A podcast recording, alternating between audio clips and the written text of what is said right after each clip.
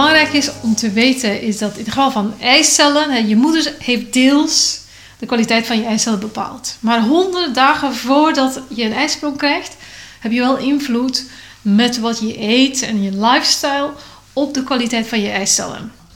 En dan voor de man geldt bijna hetzelfde. Ongeveer drie maanden voor een kiemcel klaar is en uitgegroeid is naar een, naar een volwassen zaadcel, klaar om geëjaculeerd te worden. Dat duurt drie maanden, dat proces. En gedurende die drie maanden heb je ook invloed met voeding en lifestyle op de kwaliteit van die, van die spermacellen. En wat bedoelen we nu precies met kwaliteit? Dat wil zeggen dat die cel Ehm, eh, intact blijft. En vooral dat het DNA goed, dat goed zit met het DNA. Want als het niet goed zit met het DNA en een eicel en een spermacel versmelten en er zitten foutjes in het DNA, dan is het vaak einde verhaal. Hè? Dan gaat de cel niet meer doordelen of dan krijg je een terugplaatsing en dan houdt het ook op. Is er geen instelling. Nu, die, die cellen, in alle cellen in je lichaam, die kunnen stuk gemaakt worden door de bad guys. En de bad guys, dat zijn vrij radicalen. Die term kan je gelijk vergeten. Onthoud maar de bad guys. En die kunnen een celstuk maken door het celmembraanstuk te maken. Of die kunnen het DNA zelf beschadigen. En die bad guys, die, maak je, die zijn een beetje inherent aan, aan alle processen in je lichaam. Die hebben we altijd. En ons lichaam heeft daar iets op bedacht. Hè, want eh, geen yin zonder yang, hè. geen bad guys zonder good guys. De good guys zijn antioxidanten, dat zijn stofjes die je uit je voeding haalt. En die kunnen de bad guys de baas. En de juiste vetzuren, idem dito, die zijn heel belangrijk om die bad guys, om de schade berokkend door die guys, om die binnen de perken te houden. Dus enerzijds antioxidanten en anderzijds de vetzuren zijn belangrijk.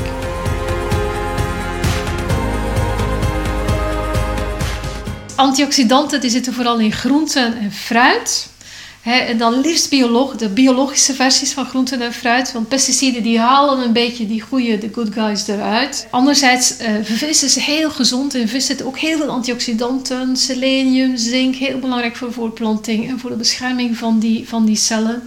Dus hoe meer schelpschaaldieren en vis. En dan heb ik het vooral over vis die die wild gevangen is. Hè, met, dat kan je uh, in de supermarkt, als je let op het MSC-keurmerkje, het blauwe labeltje, uh, is heel belangrijk. Uh, geen kweekvis, maar echt vis wild gevangen. De meeste vissen die je bij de visboer haalt zijn wild gevangen. De vetzuren zitten vooral in, opnieuw in vis, omega-3 vetzuren. Ben je vegetarisch, no problem, dan kan je het ook als uh, algensupplement nemen. Dus algen Vissen halen hun omega-3 vetzuren uit kril, dat is een heel klein garnaaltje. En die halen weer hun vetzuren uit algen. Dus algen zitten feit aan de bron van omega-3. Ja, en omega-3 haal je ook bijvoorbeeld uit lijnzaad. Maar lijnzaad moet nog steeds omgezet worden naar die vorm waar je lichaam echt iets mee kan, naar celbescherming toe. Dus je kan wel heel veel lijnzaadolie drinken, maar dat kan soms averechts werken. Want je lichaam kan niet alles omzetten naar die naar die uh, vorm die beschermend is. En dan blijft een vorm hangen die eerder schade berokkent aan je cel. Dus je kan beter lijnzaad ja, met mate, één theelepeltje per dag, maar hou het vooral bij uh, een algeoliesupplement. Dat is wat ik mijn klanten aanraad.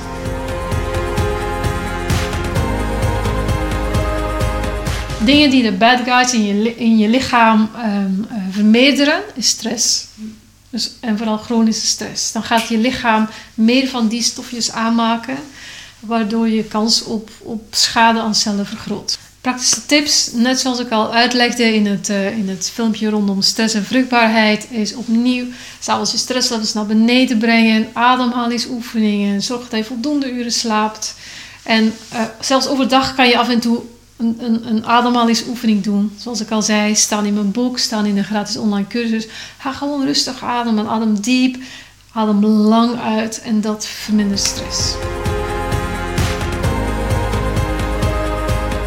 De bad guys worden nog meer bad door stofjes die ontstekingsbevorderend zijn. En dat is alles wat gefrituurd is. Kweekvis, maar ook helaas, sorry jongens, pindakaas, pindanoten, varkensvlees. Dat zijn de grote uh, dingen die meedontstekingsbevorderend zijn.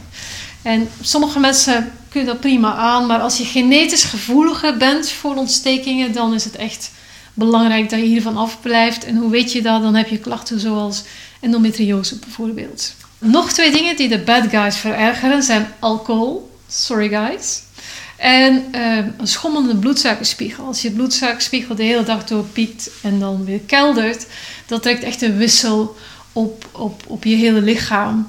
En dan krijg je meer interne stress en meer bad guys. Dus dat is ook niet zo handig. Dus zoveel mogelijk suiker laten staan is handig dan. En alle snelle koolhydraten. Zoals brood. In mijn cursus zeg, ik altijd: brood is dood en dat blijft plakken. Dat is eigenlijk vulling en niet zozeer voeding voor je lichaam. Dus dat is handig om dat een beetje minder te gaan eten. Het kort samen te vatten, wat je lichaam nodig heeft om die bad guys aan te kunnen, dat zijn antioxidanten. Die zitten in groenten, die zitten in fruit, liefst biologisch, allebei. Die zitten in vis. Ik heb ook een antioxidantencomplex die ik mijn klanten aanraad. Want ik weet dat niet iedereen eraan toe komt om, om dit elke dag binnen te krijgen. Dus dat is een heel mooie om dagelijks te nemen. Dat is deel van mijn basisprotocol, die antioxidanten. Dan heb je de juiste vetzuren nodig. Die zitten in vis opnieuw. Ik weet dat niet iedereen vis lust of sommige mensen zijn vegetarisch. Ik werk daarom altijd als basisprotocol dagelijks één algenoliecapsule. Verder is het belangrijk dat je je bloedsuikerspiegel in de gaten houdt, dat die niet gaat stijgen en dalen als een gek. Dus minder suiker, minder brood.